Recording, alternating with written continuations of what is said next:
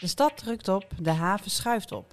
Ondanks de coronacrisis blijft de stad mateloos populair als woonplek. Steeds meer mensen willen er wonen en er zijn ook steeds meer huishoudens. Waar is nog plek? Nou, in de haven. Het thema van deze derde reeks van de podcast, De Architect, Merel en Tracy praten door, is daarom van haven tot stad. In vier afleveringen verkennen we dit thema en vandaag zijn te gast Riek Bakker en Joep van Lieshout. Welkom allemaal. Dank je. Dit is uh, al de tweede aflevering over het thema van haven tot stad. En voor wie mij niet kent, ik ben Merel Pitt, hoofdredacteur van De Architect. Naast mij zit Tracy. Hey Merel. Hey, we zijn er weer. Ja. Uh, we praten dus door in deze aflevering over de herontwikkeling van voormalige havengebieden. En in deze afleveringen focussen we op Rotterdam. Ik heb uh, daar een tijd gewoond. In het centrum? Midden in, het in centrum. het havengebied? In het centrum, ja. Vond je het leuk? Ja, ik vond het leuk. Ik vond alleen het groen zo ver weg als je in Rotterdam woont. Uh, en ik, ik woonde er ook toen de markthal werd gebouwd. En er gingen toen drie hijstellingen tegelijkertijd, van 7 uur s ochtends tot 7 uur s avonds door, ook in het weekend. Toen vroeg ik wel aan mijn man van, goh, hadden we niet wat later kunnen samenwonen? Maar uh, ik vond Rotterdam, ik heb nog steeds een beetje heimwee. Ik zou er wel weer naar terug willen. Ik ben heel erg benieuwd vandaag wat we gaan bespreken of uh, Joep van Lieshout me weet over te halen. Want met wie gaan we praten, Tracy? We gaan praten met Riek Bakker.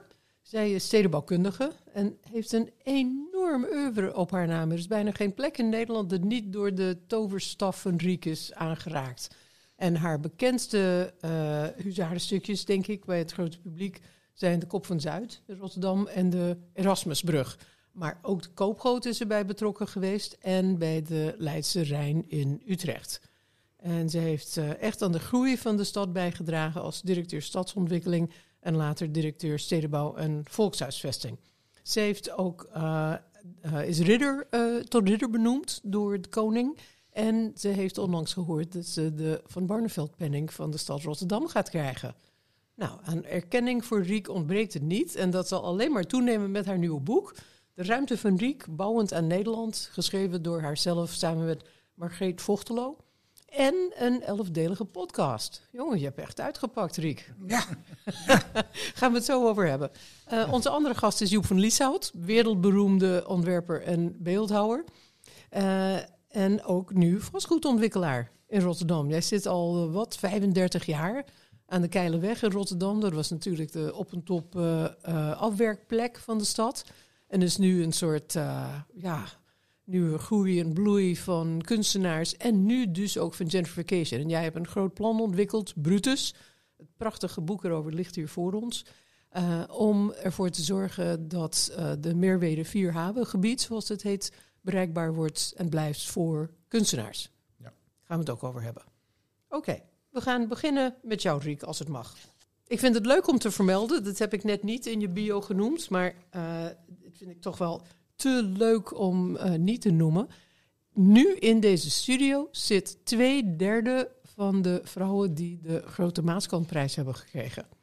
Ja. Dat was jij in, 2000, uh, nee, in 1994 en dat was ik in 2014. Zo. Ja, joh. Ongekend. We did it. We missen alleen uh, Michelle Provoost. Ja, die kwam daarna.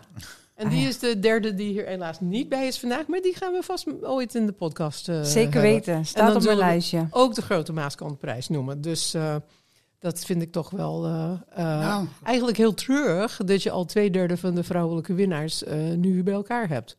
Daar moeten ze hard aan werken. Ja, daar moeten ze dan een beetje meer een best voor doen. Ja, vind ik ook. Vind ik ook. Um, Riek, ik wilde beginnen met een persoonlijke vraag. In dit boek uh, vertel je, vond ik heel leuk om te lezen, vertel je veel over je familie. En je vertelt ook over de invloed die het op jouw leven en jouw vaardigheden heeft gehad, dat je zeven broers had. ja. Wat heeft dat met je gedaan, die zeven broers? ja, heeft heel, heeft heel veel met me gedaan. Daarom, vertel. Uh, maar ja, misschien uh, eerst vertellen over waar, hoe komt de mensen toe om niet alleen een boek over zijn werk te schrijven. En zeker in het métier waar wij zitten, is het eigenlijk not done om over je privéleven zo uh, te spreken. Maar ik heb dit boek gemaakt met Margreet Vochtelo en die ken ik al heel lang en daar werk ik al heel lang mee. En ze zei, ja, ik ga eraan meedoen, ik vind het geweldig, maar het moet ook gaan over wie jij bent, waar je vandaan komt uh, en hoe je geworden bent, wie je geworden bent. Dus dat is de belangrijkste reden geweest dat dit boek zo'n boek is geworden. En dat je 75 werd. En dat ik 75 werd en dat mijn familie zei: uh, Wanneer ga jij nou eens, uh, want je vertelt het allemaal wel leuk, maar wanneer ga je nou eens ook dat opschrijven? Schrijf dat eens op. En toen kwam de, de corona en, ja, en de manier waarop ik werk, uh, met mensen spreken, praten, nog tot je ons weet ze overtuigen, uitleggen, nog meer. Dat kun je niet, uh, dat kun je niet via de Zoom doen. Dus ik stond opeens droog. En uh, toen dacht ik, nou, dit is de kans van mijn leven, daar gaan we. En zo is het gekomen. Dus hoe lang heb je eraan gewerkt aan het boek? Twee jaar. Twee jaar, echt in de coronacrisis begonnen. Ja. Ja. Nou, hoe zit dat met die zeven broers? Uh, de, de, de, grens in mijn familie ligt bij mij. Want boven mij heb ik vijf broers en onder mij heb ik nog twee broers. Um, en ik ben geboren eind 44 en onder hele speciale omstandigheden. Het was oorlog. Uh, mijn vader die uh, had werk geweigerd en de Duitsers hadden uh, daar een truc op bedacht.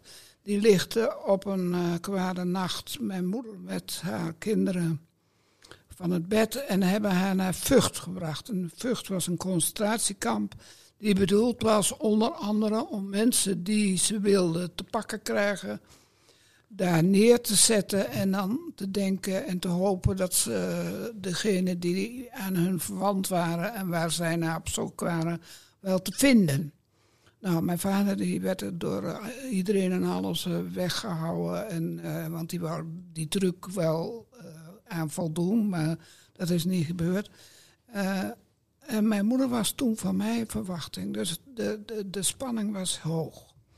Toen zijn er vrienden van mijn vader geweest die hebben uitgevonden uh, dat uh, de Duitsers, mijn moeder en haar kinderen, vijf jongens, niet goed geregistreerd waren in de boeken. En als die Duitsers ergens niet van houden, is dat je niet goed geregistreerd bent. Dus toen hebben ze gezegd: oké, die moet eruit, dat kunnen we niet hebben.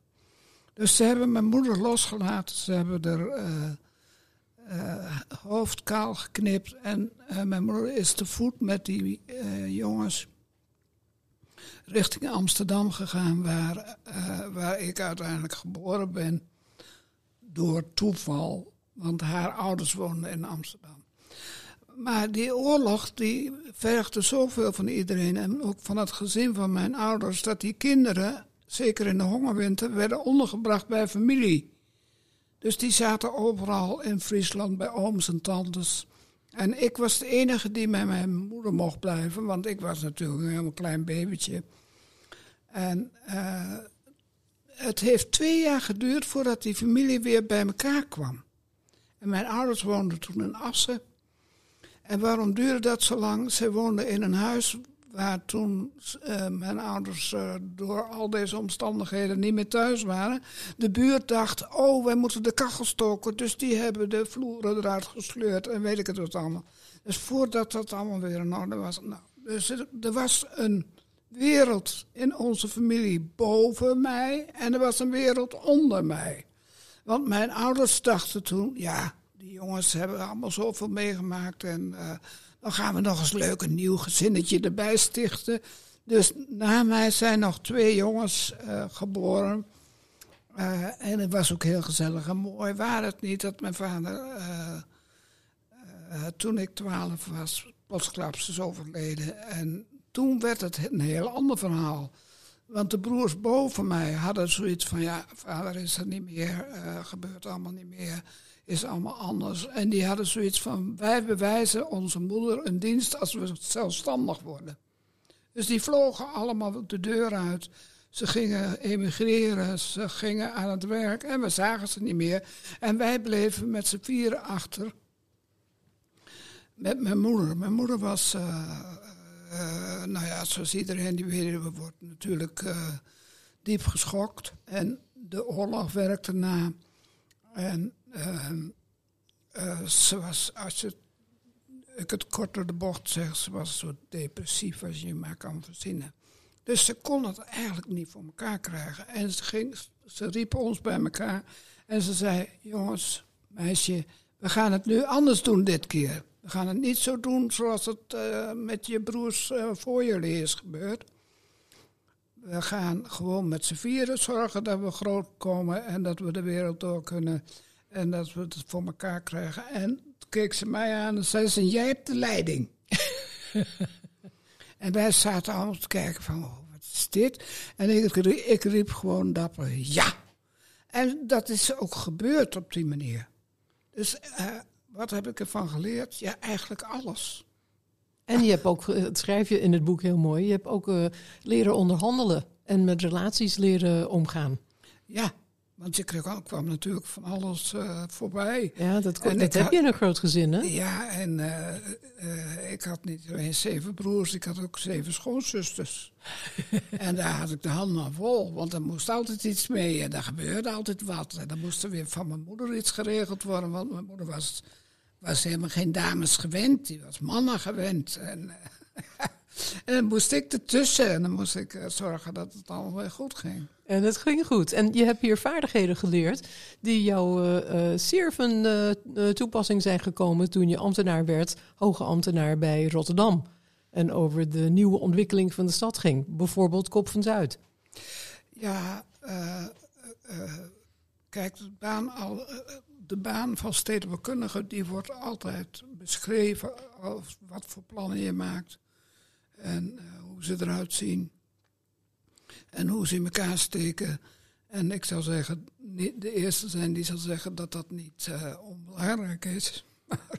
Maar als je in, eh, in zo'n organisatie werkt en je moet rapporteren aan een college en je hebt een gemeenteraad die, die eh, instemming moet geven. En hoe meer instemming je vergaat, hoe beter zo'n plan de toekomst ingaat. En de burgemeester stond achter je. Dat was belangrijk, hè? ja, Maar je hebt wel is- veel strijd moeten leveren met hoofden van dienst om jouw plannen voor, eh, voor Nou Rotterdam. ja, eh, eh, ik was een vrouw, ik was de eerste vrouw op die plaats. Er was een enorme hiërarchie tussen diensten onderling. Eh, iedere dienst zorgt voor zichzelf en eh, alleen als het eh, technisch handig was, dan werd er samengewerkt. Maar tussen die directeuren was het natuurlijk toch wel, ik moet zorgen dat ik haantje de voorste ben. Want anders dan is, komt het met mijn reputatie niet goed. Dus, en, En ze dachten aan Kon je mij- nou je vrouw zijn juist handig gebruiken? Want ik heb wel eens gehoord, je vertelde in een andere podcast dat bijvoorbeeld zeiden ze ja, ja, die vrouw en die is ook nog te dik. En er werden echt de meest oncollegiale eh, dingen gezegd over hoofdstadsontwikkeling. Ja, ja, dat begon al met dat je eh, getest, of je moest eh, getest worden door een arts. Die moest zeggen of je fysiek wel gezond was en of het allemaal wel kon. Of dat, je, dat ze gat in de zak kochten. En ik zat bij die man op de, op de bank en hij prikte in mijn buik en zei: U bent veel te dik, mevrouw. En toen heb ik hem En dus niet voor je functie eh, als stedenbouwkundige geschikt. ja, en toen Ja. heb, omdat hij in mijn buik prikte, heb ik hem een schop verkocht en gezegd, daar gaat u niet over. En eh, als u daarover wil adviseren, dan moet u de headhunter be- bellen die mij heeft aangebracht. Oh, Riek. Ja, Je dat, hebt overal sporen achtergelaten. dat, dat had ik natuurlijk geleerd. Mijn broers leerden mij vechten. En dan moest en erop af en nou dit en nou dat. Ik denk dat het voor veel, eh, eh, misschien jongere luisteraars van deze podcast niet bekend zal zijn dat het in Rotterdam toen helemaal niet vanzelfsprekend was dat er in Kop van Zuid moest worden ontwikkeld. Laat staan dat er een brug over de rivier moest komen. Nee, wat eh, de praktijk van Rotterdam wa- was eigenlijk zo dat de stadsvernieuwing bezig was. Dat was natuurlijk een opgave van je welste. En eh, daar wil ik absoluut geen kwaad woord over zeggen. Maar toen ik kwam, liep dat op zijn einde. Toen waren bijna al die dingen wel zo gedaan en het had zo lang geduurd. Dus er was behoefte aan wat anders. Er was een enorme crisis. Uh, er waren 50.000 werkelozen. Uh, en er moest echt iets gebeuren. En Peper, uh, de toenmalige burgemeester, die riep ons allemaal op: verzin wat, er moet wat gebeuren. Ik wil jullie spreken en je moet komen met voorstellen wat we nu gaan doen. Dus ik kon geen beter, geen mooier moment hebben. Dus wij werden gevraagd. En ehm, toen dacht ik, om dat voor te bereiden, ja, dan organiseer ik een atelier in mijn eigen dienst. En dan vraag ik jongens, uh, wat vinden we goed aan de stad, wat vinden we slecht aan de stad, wat moet blijven, wat moet veranderen. En als we het over veranderen hebben, waar hebben we het dan over? Nou, en toen bleek al heel snel dat men bezig was met projecten. En projecten betekende gebouwen maken. Dus een, een, project was een woongebouw of een kantoorgebouw. En niet een heel gebied ontwikkelen. En niet een gebied hmm. of, of een, laat staan een visie op, uh, op, op Zuid of op waar heb ik groen en hoeveel heb ik groen. Dus het eerste wat wij gedaan hebben is eigenlijk een stadsvisie maken. Even, even je onderbreken, Roek, om naar Joep te gaan. Joep, jij zit sinds, uh, wat zei je, 19, 1987 ja. aan de Keilerweg. Dus jij kende Rotterdam in de periode de Rie kwam. Ja, zeker, Herken je deze beschrijving van alleen maar gebouwen denken en niet de grotere visies over uh, ja, Rotterdam in de jaren 80 was wel heel bijzonder hoor. Dat was wel... Uh, Beetje ruig. Echt ruig en echt lelijk en koud en waaierig. Lekker, lekker lelijk. ja. Ik, ik vond het altijd wel fijn. Uh, ik vond het ook heel fijn dat, die, uh, dat er zoveel lege fabrieken stonden. Dus ja, als kunstenaar dan uh, keek je gewoon eens waar je je atelier ging beginnen en dan, dan deed je dat. Dus um, ik kan me dat wel herinneren, die grote projecten. De Brug, de Koopgoot, Kop van Zuid natuurlijk. En dat, dat, was altijd, ja, dat was wel bijzonder. Er was ook, ook een beetje tegenstand tegen, dat merkte je. Want toen ook al. Dus, uh, maar aan de andere kant, ja, ik vind het allemaal heel succesvol geworden. En Rotterdam heeft de laatste uh, jaren uh, is echt, echt een hele andere stad geworden. Ja, ja, nu heeft Rotterdam misschien net als Amsterdam misschien last van zijn eigen succes. Ja, wordt te duur. Ja. Te chic, te gepolijst. Nou, daar komen we zo op, jongens. Uh, nog even terug naar Riek, want jij hebt iets heel moois gezegd over jouw vak, Riek. Nou, dit, dit boek, De Ruimte van Riek, zit vol mooie uitspraken. En trouwens, de foto van jou aan de achterkant is ook echt fantastisch. Dat is ook nog eens ruig. Wat een landschap, dat gezicht. Riek, je hebt wel eens gezegd over je vak... Van, uh, uh, het, het, ging van stadsvernieuwing naar vernieuwing van de stad. Ja, dat klopt. Nou, dat was, dat was ook die visie die wij gemaakt hebben toen met de dienst. Uh, maar om dat voor elkaar te krijgen... kijk, visie kun je goed, heel goed bedenken. Maar dan komt het verhaal... hoe organiseren we dat het ook gaat gebeuren? Hoe organiseren we dat? En het eerste wat ik heb gedaan is binnenshuis met al die diensten onderling en uh, wat er allemaal ging gebeuren, heb ik gezegd uh, tegen mijn eigen mensen, jullie moeten allemaal je mond houden. Jullie gaan niet vertellen wat wij aan het doen zijn. jullie gaan niet buiten de deur allemaal zeggen en nu hebben we dit bedacht en dat bedacht. Want ik zeg, weet je wat het gevolg zal zijn? dat voordat we ook nog maar iets verteld hebben ergens, is het met de grond gelijk gemaakt. Dus als wij willen dat het een kans maakt, dan hebben we nu een fantastisch momentum. Maar we gaan onze geheimen niet meteen prijsgeven. Dus wat ik met ze uh, ontwikkelde was dat je niet alleen bezig moet zijn met uh, goede plannen maken, maar ook wat is je strategie om het voor elkaar te krijgen. Want de dienst de diensten en de dienstenstructuur die zo'n stad moet besturen, dat is een, een uh, verhaal op zich. Dat is een kans aan de ene kant als ze met je meedoen. En als je je vrienden worden. Maar als ze je uh, niet zien zitten en denken, die mevrouw die gaat van alles van ons inpikken wat wij aan het doen waren. En wij mochten toch bruggen bouwen en uh, bedenken. Nou, en, dan kom, en dan komt er een in die zegt het moet anders, het moet op die manier. Dus het was, het was niet allemaal meteen botertje tot de boom, want er moest veranderd worden. Hè? Je verandering, moest, oei. ja, en verandering, dat is niet iets, ja, in theorie vindt iedereen het leuk. Maar in de praktijk, dat betekent het dat sommigen iets moeten achterlaten of iets, iets Inleveren. inleveren en anderen moeten juist iets gaan doen. En ik, weet nog dat een van de ambtenaren, een van jouw ambtenaren, toen eh, in gesprek over de brug eh, een eh, collega citeerde die zei: Ja, een brug, we hebben daar net een metro aangelegd. Ja. Maar een metro zie je niet. Ja, nee, en sterker nog, ik zei, we hebben een brug nodig, maar we hebben eigenlijk ook een station op die metro nodig. Want als je met de metro gaat en je vliegt de keihard ondergronds langs, dan weet je nog niks. Dus eh, er moet een station op. Maar ja, dat ding, die metro, die kwam uit een helling. En toen, eh, en gemeentewerken moest die dingen maken. En toen kwam uit die helling en toen zei ik, jongens, daar moet een metrostation komen. En toen zei hij, zei, ja, nee, Oh, dat niet. gaan we niet doen. Op die helling. Maar mevrouw Bakker, als u dan met uw kind en uw kinderwagen daar naar uitstapt en u laat die kinderwagen los, dan gaat het toch helemaal verkeerd. Ik zei, jongen, ik laat nooit een kinderwagen los. En zeker niet als ik uit de metro kom. Wat een bezopen gesprekken heb je moeten voeren. Ja, Maar ondertussen, Riek, is het jou wel gelukt om een brug van een toen 32-jarige interieurarchitect erdoor te drukken. Boven een van jouw eigen mensen van gemeentewerken. Ja, Die ook nog veel duurder was. ja. Van Ben van Berkel bedoel je? Ja. Ja. Nou, kijk, eh, het was zo. Er waren eigenlijk drie diensten die eh redelijkerwijs aanspraak zouden kunnen maken op wie gaat die bus, eh, brug ontwikkelen. Eh, dat was gemeentewerken, dat was het eh, eh, real estate bedrijf en dat was ik. Maar mijn dienst had nog nooit zoiets gedaan. Maar ik zei, oh wacht even, nou heb ik het tot hier gebracht en nou is het zover. Dan kan het toch niet zo zijn dat ik niks meer mag vertellen over die brug. Dus laten we dat oplossen. En toen hebben we gezegd, nou oké, we gaan een dag op de hei zitten en iedereen neemt zijn eigen architect mee.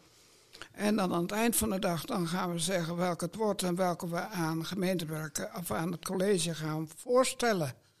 En eh, nou, toen kwam eh, de, architect van ge- gemeentewerken Struis en Jan Does nam Quist mee en ik nam eh, Ben van Berkel mee. En ik, heb, ik dacht één ding, ik moet de leiding over die vergaderingen nemen, want anders gaat het no- nog weer niet goed. Dus eh, daar was, hebben we ze allemaal laten tekenen en doen. En, eh, nou, Quist was altijd heel gauw kwaad als er iets niet gaat als eh, het moet gaan als hij wil. Dus die liep halverwege weg. Ik denk, nou, Oh, dat is handig. dat, dat, dat lost zich op. en toen hadden we er nog twee over. En op een gegeven moment heb ik een blaadje, eh, een schetsje van eh, Ben van Berkel eruit gehaald. En gezegd, hé, hey, kijk eens, is dit niet een mooie brug? En toen zijn we met die drie directeuren gaan praten. Laten wij nou verstandig zijn. Als eh gemeentewerken nou de engineering mag doen... Wat, wat helemaal eh, geen enkele discussie is, want... wie zou dat anders moeten doen? En dat is ook hun, hun kracht. Dus ik, zou de laatste zijn die daar wat aan deed. En eh, eh, eh, real estate, ik zei, ja, jullie hebben budget. Dus als jullie nou eens opdrachtgevers zijn, la- laat mij dan de keuze van de architect. Ik zeg, want dan doen we elkaar allemaal recht. Ah, wat, Nou, ben je wat ben je toch een handige donder. En zo gezegd, zo gedaan. Dus dat voorstel hebben we aan eh, BMW gedaan. En die waren al lang blij dat we het hadden opgelost. Dus zo is het gebeurd. En weet je het nog zo te brengen dat de anderen je dankbaar zijn? Nou, nu is het een van de iconen van Rotterdam, hè, de Erasmusbrug. Ja. Ja, ja. Eh, we gaan door, Riek, want we hebben niet veel tijd meer. Ehm, ik was benieuwd, wat vind je ervan dat we nu weer een minister van volkshuisvesting hebben? Het is een beetje ouderwets idealistisch woord geworden, volkshuisvesting. En nu heb ik het niet over de persoon, maar dat we een, een minister van volkshuisvesting hebben. Laat het helpen. Nou, eh, eh, ik denk dat dat. Als ik redeneer vanuit wat we voor elkaar moeten krijgen, de klus die geklaard moet worden, dan denk ik, eh, nou, geachte minister, je mag je best doen. Want waarom vind ik dat? Eh, ik geloof dat het heel moeilijk is, want het is heel lang geleden dat we al minister hadden. Eh, ondertussen zijn bij eh, die provincies is de lead gelegd, dus om dat weer in het gereel te krijgen is ook niet makkelijk. En je moet niet alleen eh, eh, plannen maken, maar je moet ze ook vaststellen. En ze moeten bestemmingsplannen hebben en de hele reutemeteut. Dus voordat je daar eh, aan toe bent, is er ook, ik weet niet wat voor nodig geweest om dat te doen. Dus ik denk dat, dat die... dat die minister eigenlijk zijn best moet doen om het voor de toekomst geregeld te krijgen. Kijk, Maar Enrique, ik vroeg me nog af, eh, als ik nu kijk naar eh, waar de belangrijkste verantwoordelijkheid ligt voor de ruimtelijke plannen, ligt er ook heel veel bij gemeentes. Hè? Die bepalen waar bijvoorbeeld datacentra komen, waar eh, logistieke hallen komen, maar ook hoe de haven opschuift en waar de nieuwe plekken komen, waar de haven komt en waar we dus gaan bouwen, ook in Rotterdam. Hoort die verantwoordelijkheid daar, bij de gemeentes? Nou, kijk, ik zie het als volgt. Die minister, die zou verantwoordelijkheid moeten nemen voor de integrale visie op Nederland. En op de relatie van Nederland met de omliggende landen en wat die in Europa voor elkaar kan krijgen. Om te zorgen dat we daar dingen weghalen of dingen leren die wij kunnen gebruiken. Dat moet een minister op landsniveau doen.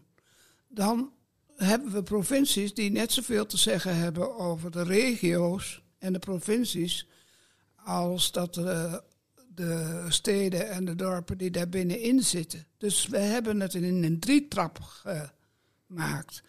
Maar de grote steden zijn uitzonderingen, want die zeggen gewoon, ja, denk je dat wij ons eh, laten bemoederen of bevaderen Door de provincie. door die provincie? Dat doen we niet. Dus de grote steden hebben altijd een uitzonderingspositie gehad en wisten ook altijd de weg naar Den Haag wel eh, heel goed te vinden. Maar eh, ik noem maar een dwarsstraat als jij in eh, Enschede of in Zutphen of eh, noem maar wat eh, leeft en je bent daar burgemeester. Ja, dan kun je best een goed handje gebruiken van die provincie, want je komt niet 1, 2, 3 in Den Haag. En, maar dat is allemaal tot daar toe, want dat zijn de bestuurlijke verhoudingen. Maar als je kijkt naar de opgave waar Nederland nu voor staat, dan is het giga. We hebben eh, met de landbouwproblemen, we hebben met de stikstofproblemen, we hebben eh, woonproblemen, we hebben infrastructuurproblemen, we hebben energietransitie. We moeten met het klimaat aan de gang. Als je die mensen allemaal in partjes dat werk laat doen, dan is er nergens eh, connectie of kruisverbanden gemaakt. Althans, dat risico loop je in hoge mate. Dus als ik die minister was, zou ik zeggen: ik ben geen volkshuisvester. Ik ben de organisator van Nederland. En ik zorg dat die plannen zo in elkaar steken dat ze gemaakt kunnen worden. Dat het gerealiseerd kan worden. En dat we op rijksniveau weten wat we in Nederland te doen hebben. En dat we dan goed kunnen decentraliseren. En het in brokken en stukken weer kunnen verdelen. Om ervoor te zorgen dat het gemaakt kan worden. Nu nog even terug naar Rotterdam, Riek. Voordat we gaan praten met uh, Joep van Lieshout over de toekomst van de stad.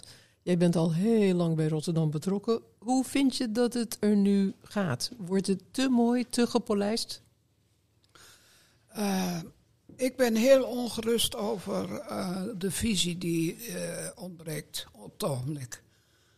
En laat ik zo zeggen, dat op papier hebben ze vast visie. Ik bedoel, iedere dienst zal zich dat niet laten ontnemen. Maar of dat nageleefd wordt, daar heb ik grote vraagtekens bij. Ik denk dat het weer is zoals ik. Uh, het, zo, dat het weer gaat zoals toen ik kwam. Namelijk, wij gaan bouwen wat we bouwen kunnen. En we zoeken iedere snipper en vierkante centimeter op en we, we zetten er een toren in. Want toren, dat vinden we het allerleukst, want het gaat snel en uh, ontwikkelaars willen dat graag maken. En dat levert veel geld op. En uh, wij kunnen daar mensen in kwijt die, uh, die we ook in onze stad willen hebben. En we hebben niet meer de zorg voor alleen maar minder bedeelden.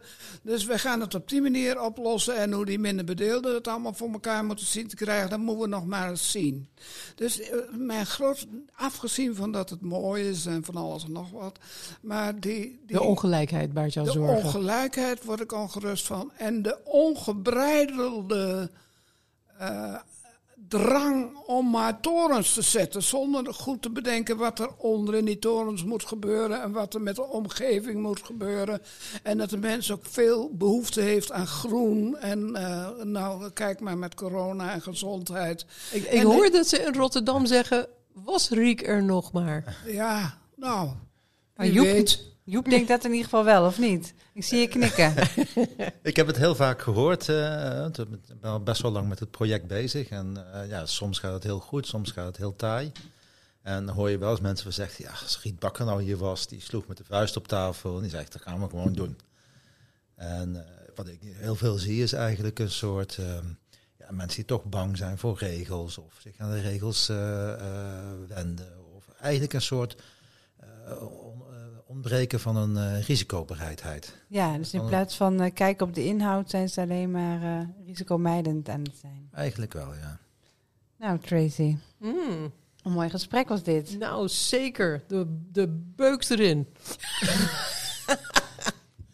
Nou ja, een beetje lef hebben. Ja, lef. Nou, dat is het motto van vandaag.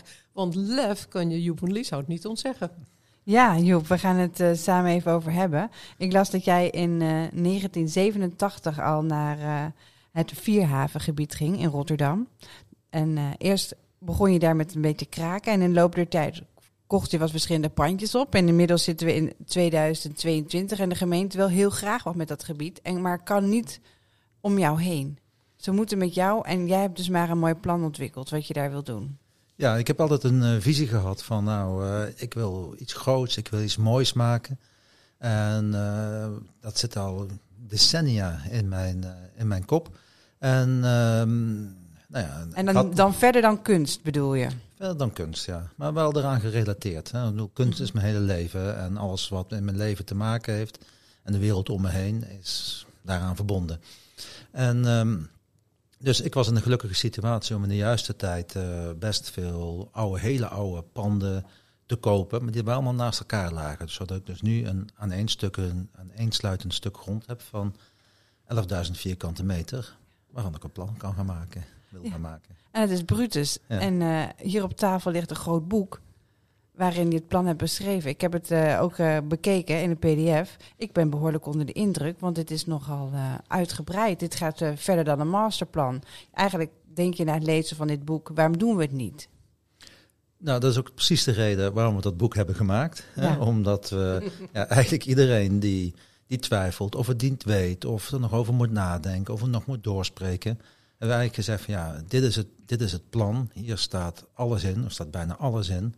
En eh, we willen het heel graag en we kunnen het. En we gaan het eh, voor elkaar krijgen.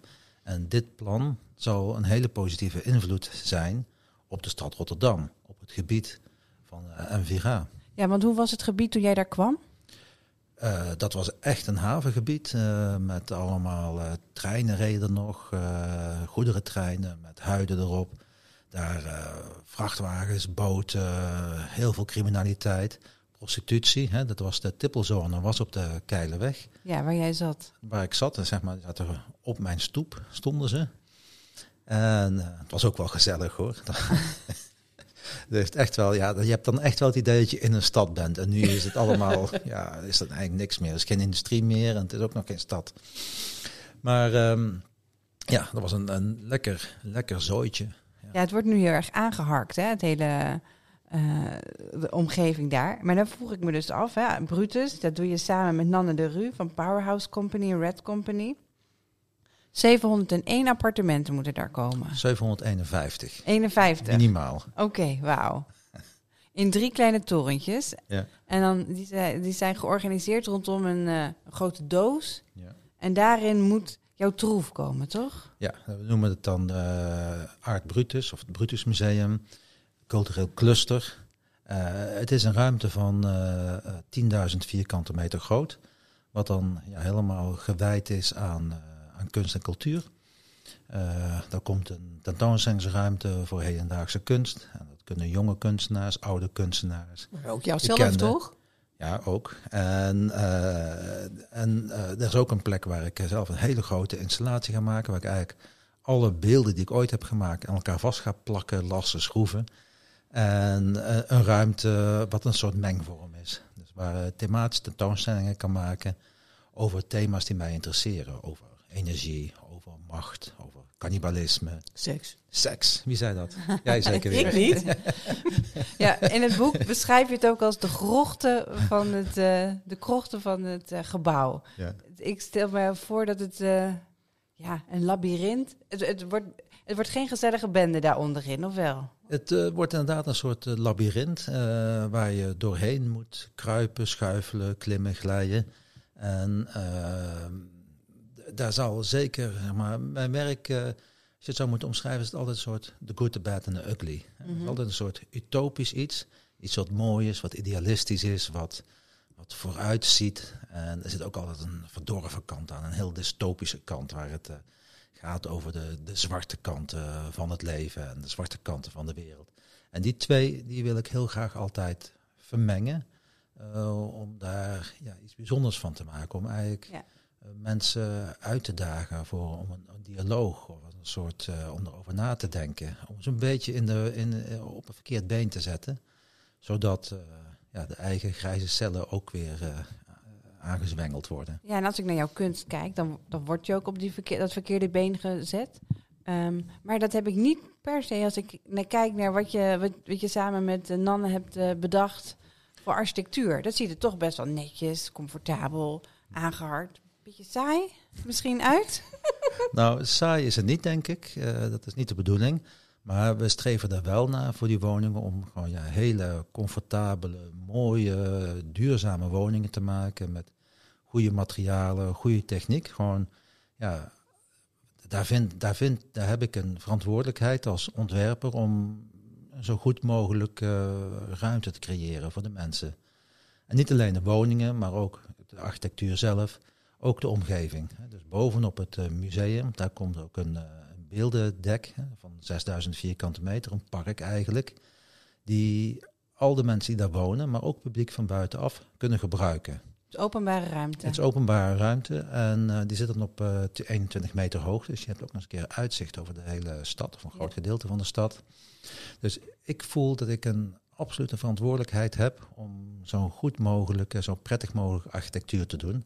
Zodat ik binnen het museum helemaal los kan gaan aan de andere kant op. In de doos. Ga je er zelf wonen? Ik, ja, als ik het kan betalen wel, ja. Als je het kan betalen.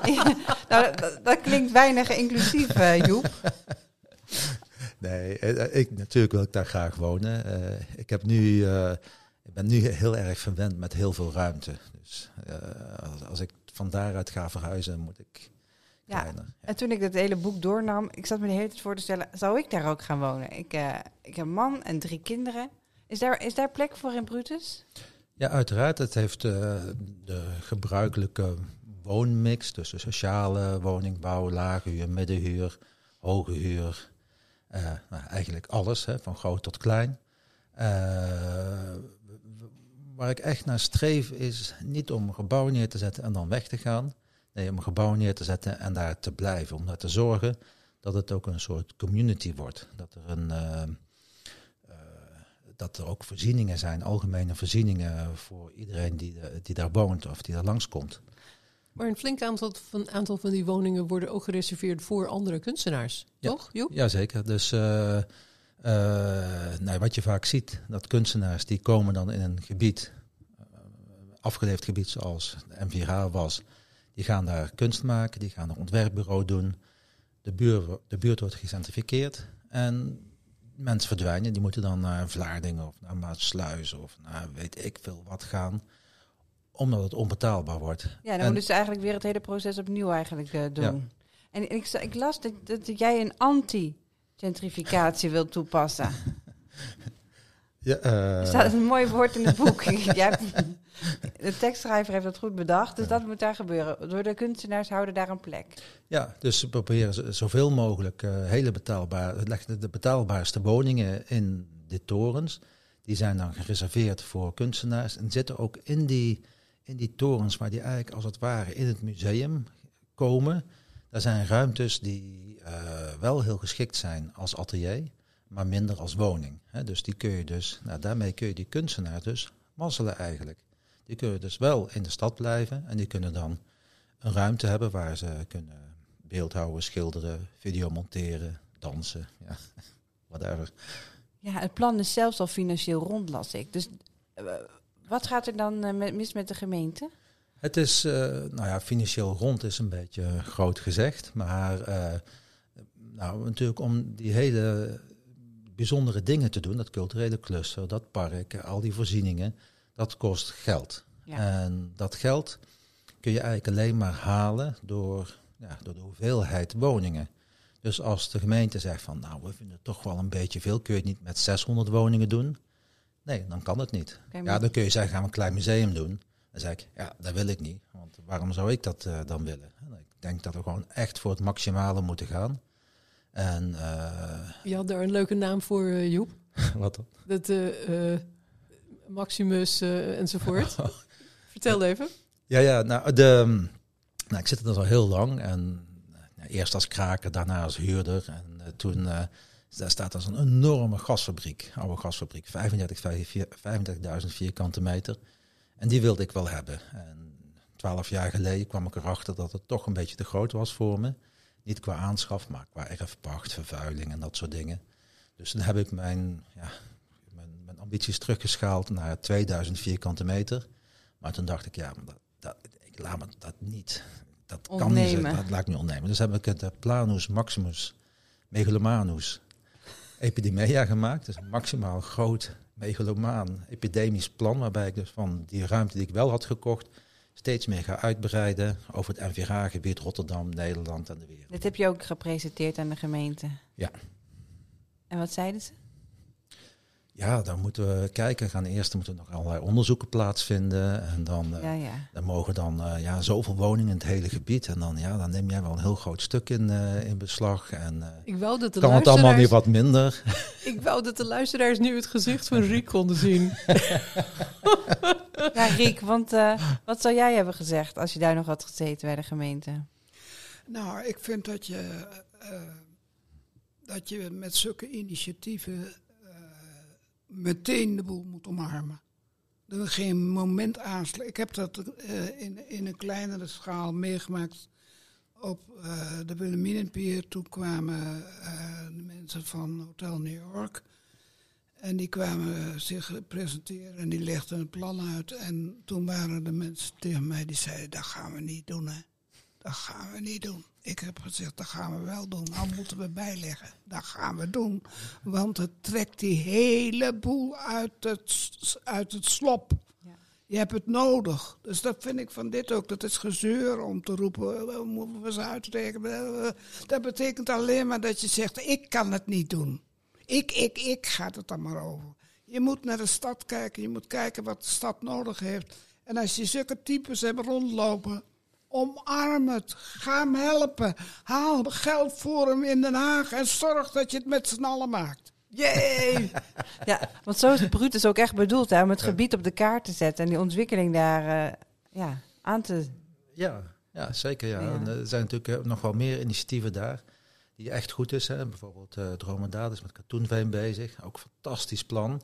Ja, die lopen toch ook een beetje tegen, ja, tegen, de, tegen de stroom in.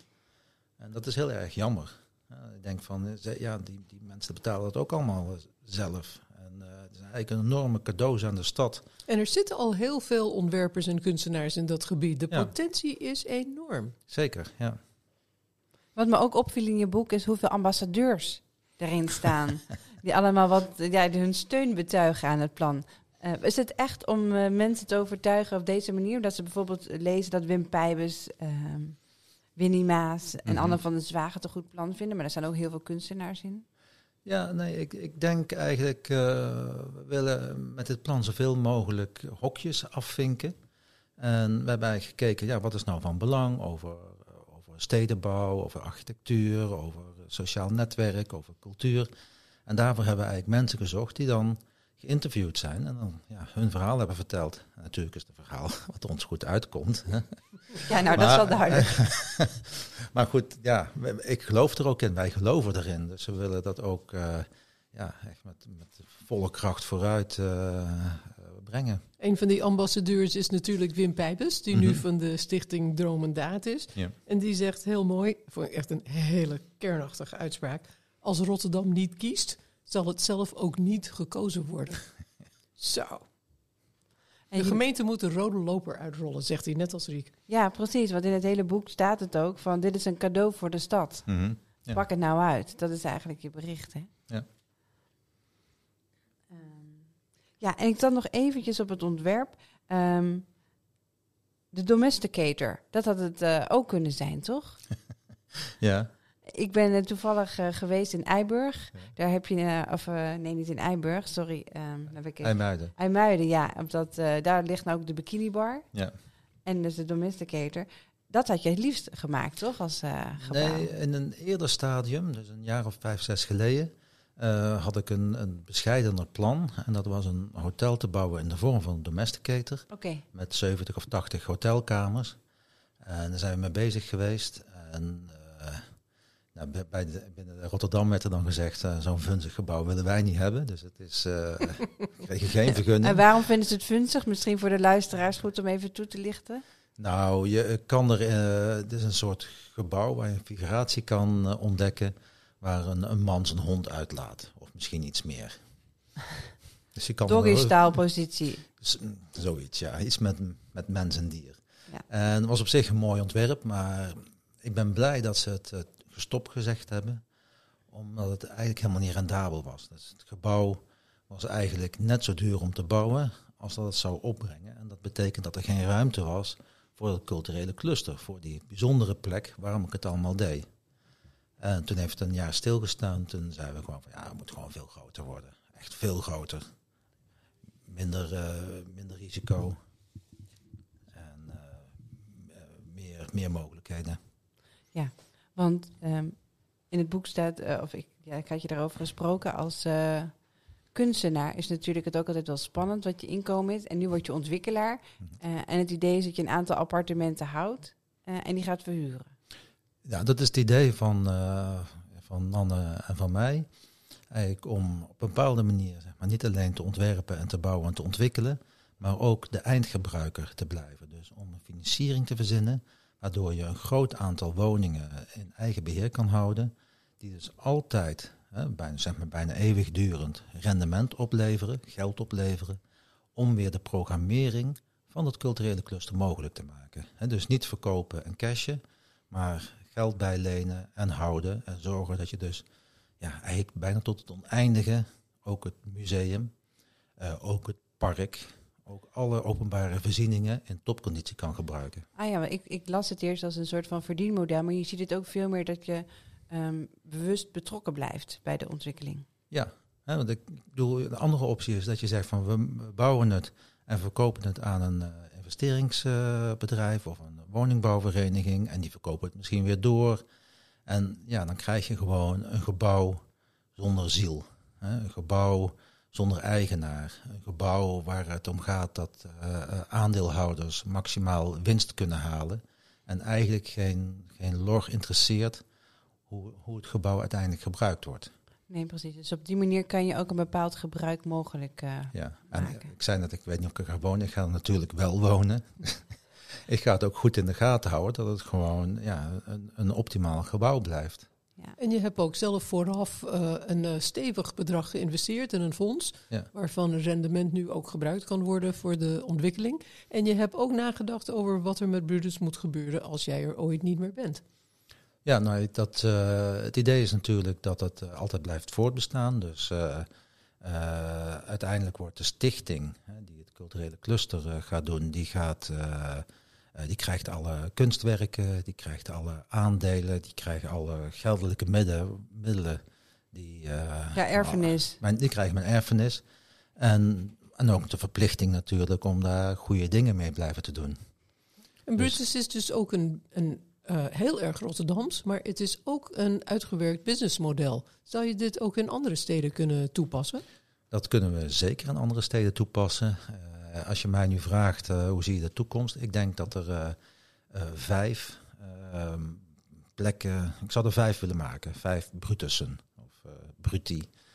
Ik weet eigenlijk niet wat meer wat is ambitieus. Is. En ik, Riek, ik zie je de hele tijd knikken. Jij gelooft wel in deze manier van ontwikkelen, dat eigenaarschap dat blijft voor eeuwig? Ik denk dat dat essentieel is omdat dat namelijk de enige weg is om te garanderen dat het ook levendig en goed en mooi en uh, interessant blijft.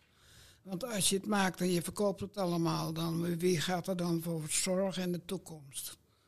Dus, uh, en dat is natuurlijk de grootste zorg bij dit soort projecten die afwijken. Dus als je nou voor de toekomst dat zeker maakt, nou, dat is top.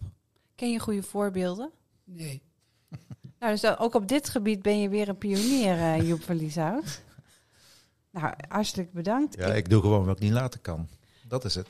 En uh, kunnen wij, hè, ik hoop dat straks een hele hoop Rotterdammers naar deze podcast luisteren, want het gaat over hun stad. Mhm. De gemeenteraadsverkiezingen komen eraan. kunnen we nou handig stemmen voor dit plan? Dat, dat, dat er een partij is of uh, iemand die dit plan omarmd heeft, waarvan je zegt, nou als je op die stemt, dan hebben we een goede kans. Daar heb ik helemaal nooit over nagedacht. uh, ik vind dat dit helemaal, ja, heeft niet met politiek te maken. Het heeft met passie te maken. Dus ik denk dat er ook van alle partijen mensen zijn die het leuk vinden en van alle partijen mensen zijn die, die, die er minder mee hebben. Ja, maar politiek is wel belangrijk, denk ik, toch? Ik denk dat politiek heel belangrijk is. En dat je alles aan moet proberen te doen om daar nu uh, die, die, die, partijen te bewerkstelligen. Nu het eraan komt, om, als het voorligt, dat zij daar ja op willen zeggen. Hmm. Dat ze daar mee willen doen. Ja, ja ik zou het ook. Het moet in de partijprogramma's. Hmm. De, politiek moet, de politiek is nu beïnvloedbaar. Ja. Ja, als iedereen wil uh, dan een statement maken zodra en, je bent aangesteld. Als, als, jij kunt vertellen van de mensen, de inwoners van Rotterdam vinden dit geweldig Mm. en uh, die willen dat graag. Nou, dan zijn er heus politieke partijen die zeggen, oh, dat schrijven wij er wel in. Mm. Ja. Dan, Nou, dan uh, regel je meteen een coalitie. moet je doen, moet je meteen doen. Dus uh, je hebt huiswerk uh, zo, Joep. Nou, dank jullie wel. Ik wil jullie heel erg bedanken voor dit erg leuke gesprek. Ik heb weer uh, heel veel geleerd over Rotterdam, over jullie levens en jullie visies. En volgens mij, ik vind het ook heel leuk hoe het op elkaar aansluit. Uh, ik zie jullie de hele tijd knikken naar elkaar. Hm. Tracy, wat, uh, wat, neem jij zo mee in de trein terug? Nou, wat ik echt wil, jullie zijn gewoon de belichaming van stedenbouw, die de ideeën voor de stad die gerealiseerd worden door visionaire mensen met ballen. en of je nou man of vrouw bent, dat doet er niet toe. Maar je moet de, de, de visionaire hebben en je moet ook de vaardigheden en de overtuiging hebben om het erdoor te krijgen. En dat zijn niet noodzakelijk hetzelfde talent. Dus ik vind het ontzettend leuk om uh, uh, hier met jullie te zitten en te zien dat in jullie tweeën die talenten wel degelijk samenkomen. De visie en de ballen. Ja, nou, wie, wie weet uh, zit hier nog een mooie samenwerking. Nou, de ballen dan. Dank jullie wel. Uh, in de volgende podcast gaan we het ook hebben over projecten in havengebieden, maar dan gaan we naar de kleinere schaal. We gaan het hebben over architectuur en interieur en echt ook hoe het wordt gemaakt. Want hoe doe je dat nou als je werkt aan een inrichting van een bijvoorbeeld van een kantoorpand of een klein kantoor in zo'n gebied, in een havengebied? Hoe geef je zo'n plek identiteit? Of kan je zelf ontwerpen met iets wat er al is? Of breng je iets totaal nieuws? Tracy en ik gaan het uitzoeken. Dankjewel, Merel. We praten hierover met? Met uh, Remy Versteeg van uh, Beyond Space. Uh, mede naar aanleiding van een kantoor dat zij voor interieurbedrijf Siersema op het Krukius-eiland hebben ontworpen. We hebben het al over Krukius-eiland gehad met Marianne Loof van architectuurbureau Lefs. Dat daar veel heeft teweeggebracht. En met Barbara Dirks van Werkarchitecten die uh, duurzame interieurs maakt voor gebouwen voor de haven van Amsterdam. Want die bestaat echt nog wel hoor. Ja, en wat ik ook leuk vind is dat zij dus ook heeft gewerkt in het Nautisch Coördinatiecentrum in de Amsterdamse haven. Dus ook echt een havenfunctie een plek moest geven in die haven. Nou, we kijken weer naar uit. Wordt volgens mij ook een hele mooie aflevering. Hou onze socials, website en nieuwsbrief in de gaten. En volgende week komt die online.